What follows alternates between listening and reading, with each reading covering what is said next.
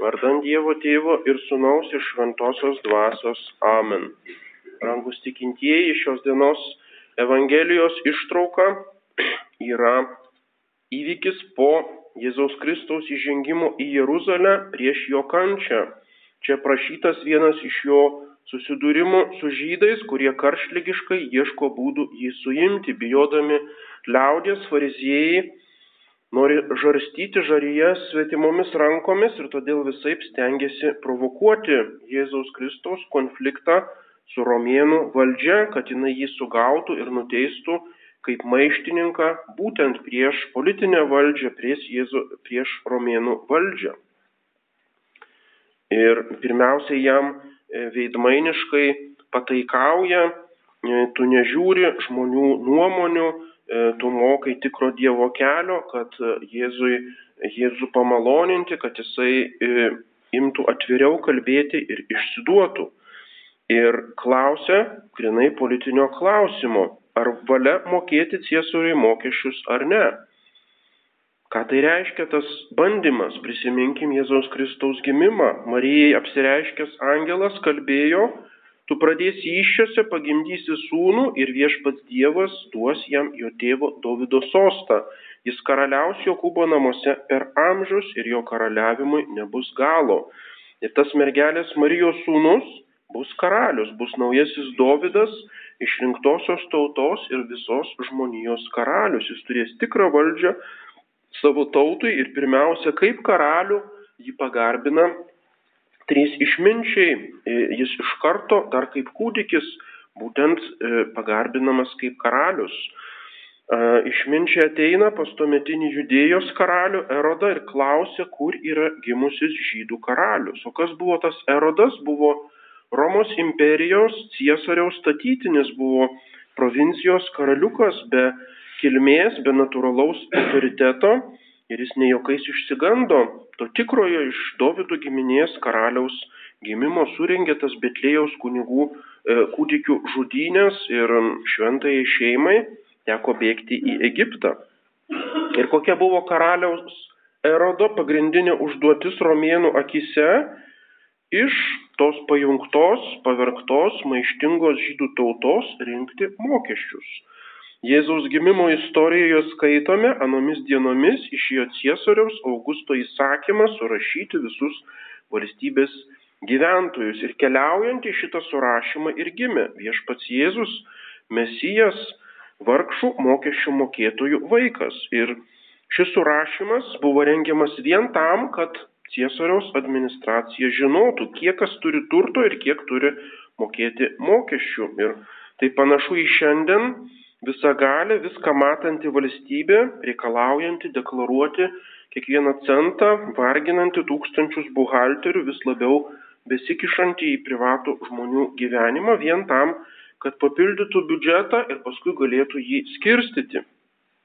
Ir tai buvo išrinktosios vien Dievui priklausančios žydų tautos nuosmukio valanda. Jie priklauso Dievui, Dievas yra jų valdovas, o dabar jie priklauso tai svetimai valdžiai ir pamaldus žydai ir fariziejai nuolat murmėjo, nejaugi Dievas apleido savo tautą, kodėl jinai turi vergauti tai svetinai valstybei ir dar mokėti jai mokesčius monetomis, ant kurių pavaizduotas tas imperatorius, tai yra ciesorius, juk senasis senojo testamento įstatymas draudė daryti mm, arba turėti bet kokį žmogaus ar gyvūno atvaizdą, kad nekiltų stabmeldystės pavojus, o dabar jie turi kiekvieną dieną, pirkdami ir parduodami, nusilenkti to valdovo atvaizdui kiekvienoje monetoje. Tai yra e, ta visa politinė tvarka prieštarauja jų visai religiniam įsivaizdavimui.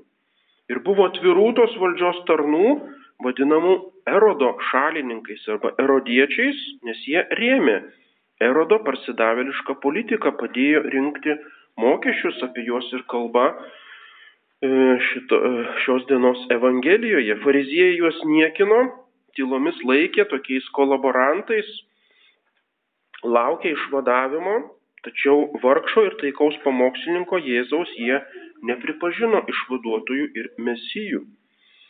Ir štai jie sumasto klastingą planą nusiunčia žmonės iš abiejų partijų - ir fariziejų mokinius, ir tų erodiečių. E, tai yra fariziejus, kurie nelinkia mokesčių mokėti, ir erodininkų, kurie linkia e, ir padeda tuos mokesčius rinkti. Ima meilikauti, meilikauti Jėzui, vadina jį mokytojų tiesia kalbių ir po to taiko tiesiai į jo mesijinį pašaukimą. Tu nežiūri žmonių asmens. Kas tau žmonės, kas tau tas žmogus ciesorius. Jeigu laikai save karaliumi, tai nepataikauk tiems asmenims, mesk iššūkį. Jeigu sukėlė mines įjojas į Jeruzalę, nes visa tai yra po Jėzaus Kristaus įžengimo į Jeruzalę, tai pradėk sukilimą, paragink nemokėti mokesčių Ir viešpats Jėzus pagal jų planą turėjo pagalvoti, o tai yra šansas, net fariziejai ima mane gerbti, ragina veikti, dabar arba niekada suvienijam visas jėgas. Ir jeigu tik tai būtų paraginęs nemokėti mokesčių, erodininkai, toj būtų įskundę į valdžią ir suėmę. Suprasdamas jų klastą, Jėzus nukreipia kalbą į pačią monetą. Kieno čia paveikslas? Tai oficialiu valdžios štampu padarytas anspaudas, kad šitas metalo gabalėlis tikrai turi tam tikrą svorį ir vertę.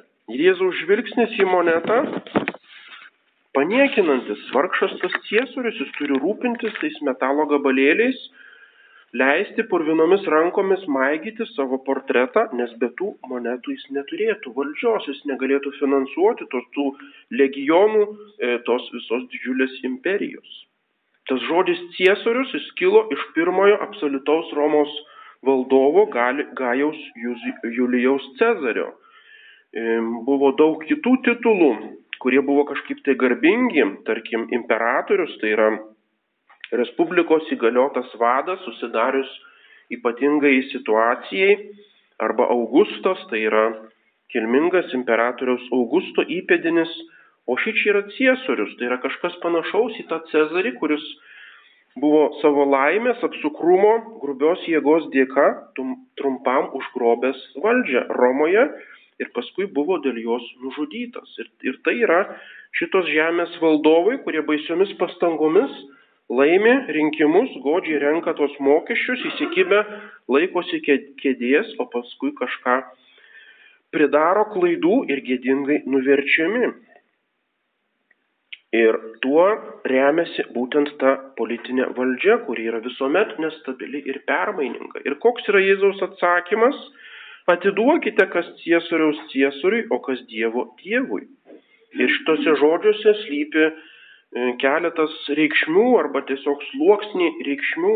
Pirmiausia, išsiveržia tas žodis beveik savaime iš paniekos tam ciesoriui. Jeigu jam reikia, tų monetų, tai atiduokite jam. Jėzus neturi turto, jį niekina, jis keliauja su apaštalais, neturėdamas kur galvos priklausti, jis gyvena iš aukų, jis pats nepriklauso nuo šito žemės dalykų ir nuo jų nori išvaduoti savo sėkėjus.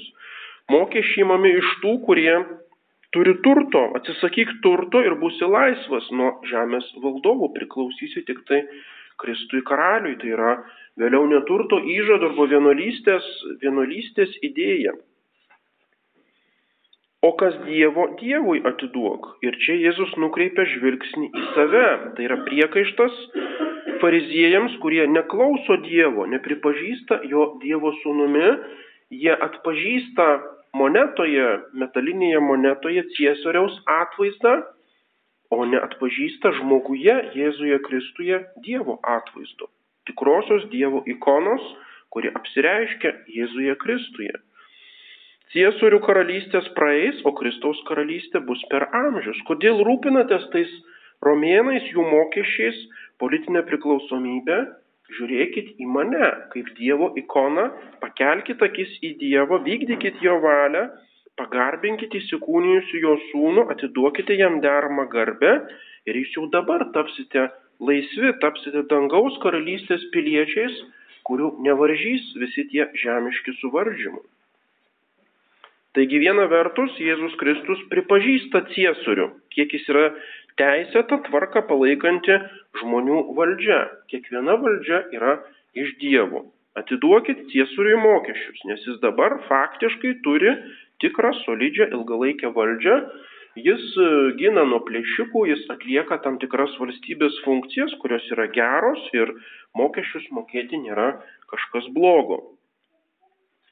Gal jūs ir pavadintumėt savo maištą prieš šį išsivadavimo karu, bet kiek bus pralieta kraujo, ar ta nauja valdžia bus geresnė už tą ciesoriaus valdžią? Kokia būtų zalotų valdžia, tų uoliųjų žydų e, revoliucionierių ir teroristų valdžia, kuri tuo metu e, bandė priešintis romėnams. E, po Jėzaus mirties jie sukilo ir kas iš to, jie patys išniekino Jeruzalės šventyklą, pražudė daugybę žmonių ir galiausiai visa ta jų valdžia sužlugo. Tu neturėtų man jokios valdžios, jei tau nebūtų jos duota iš aukščiau, kalba Jėzus Kristus pilotui. Ir tai kartoja vėliau Paulius, apaštalas Paulius, kiekvienas žmogus te būna klusnus viešai valdžiai, nes nėra valdžios, kuri nebūtų iš Dievo. Kas priešinasi valdžiai, priešinasi Dievo sutvarkymui. Paštalas Paulius net nesvarsto, ar ta valdžia legitimi ar ne, tiesiog jeigu jinai faktiškai palaiko tą politinę tvarką, tam tikrą tvarką bendruomenėje, ta valdžia yra iš Dievo apvaizdos, jinai duota žmonėms kaip tam tikra dovana arba kaip bausmė. Kiekviena faktiškai esanti valdžia, kiek jinai vykdo teisingumą, jinai atstovauja Dievui. Jai reikia paklusti, jai reikia mokėti mokesčius, vykdyti įsakymus. Pats Jėzus moka šventyklos mokestį didrachmą už save ir už Petrą, nors tai buvo tokias, toks kaip žydų savivaldos mokestis. Žinoma, jei ta valdžia ima prieštarauti Dievo valiai, tada reikia nepaklusti. Dievo reikia klausyti labiau negu žmonių, sako paštalas Petras e, apaštalų darbuose. Ir vėlgi apaštalas Paulius romėnams, romiečiams atiduokite visiems, ką privalote, kam mokesti, mokesti, kam muitą, muitą, kam baimę, baimę. Tokie yra tose keliose trumpose sentencijose Evangelijos ir apaštalų politinė doktrina, kur yra labai nesudėtinga ir daug nesigilina į tuos žemiškus reikalus. Šventasis Hilarijus, komentuodamas šitą Evangeliją, rašo, turime atiduoti Dievui, kas yra Dievo. Tai yra kūną, sielą ir valią. Ciesoriaus moneta yra iš aukso, ant jos įspaustas jo atvaizdas O žmogus yra Dievo moneta, kurioje įspaustas Dievo atvaizdas. Taigi atiduok savo pinigus ciesoriui, o Dievui išlaikyk nesuteptą sąžinę. Žmogus yra ta Dievo moneta, tas tikrasis Dievo turtas ir kiekvienas turi gelbėti savo sielą, turi žiūrėti, kad būtų nesuterštas, išlaikytas tas Dievo atvaizdas jo sieloje. Tai yra tas pinigas, tas mokestis, kurį turėsime įmokėti, kad įeitume į Dievo karalystę. Ir tai yra krikščionio laikysena, pirmiausia mąstyti apie Dievą, atiduoti jam visą save. Atiduoti Dievui, kas Dievo, tai yra savo sielą, savo gyvenimą, savo visas mintis ir pastangas. O ciesoriui, kas ciesoriaus, žinoma, jo neatmesti, valdžią gerbti, nepasinerti į kasdienę politiką, nesitikėti, kad tą valdžią nuvertus ateis kita valdžia geresnė, nekovoti dėl asmeninės naudos, apgaudinėjant valdžią, jeigu jinai reikalauja mokesčių, juos mokėti, ramiai atlikti pilietinės pareigas, o visą savo dėmesį, visą sielos energiją skirti amžinajam gyvenimui. Toks yra Jėzaus Kristaus atsakymas ir taip jis su, sugriovė tuos e, fariziejų ir, ir erodininkų planus, jį paversti e, maištininku prieš valdžią. Toks yra kelias, kaip turime iškilti virš visų tų žemiškų planų ir reikalų ir žiūrėti tik to, kas yra svarbiausia, kas yra amžina Jėzaus Kristaus karalystės. Amen. Vardant Dievo Tėvų ir Sūnaus iš Šventosios Dvasios.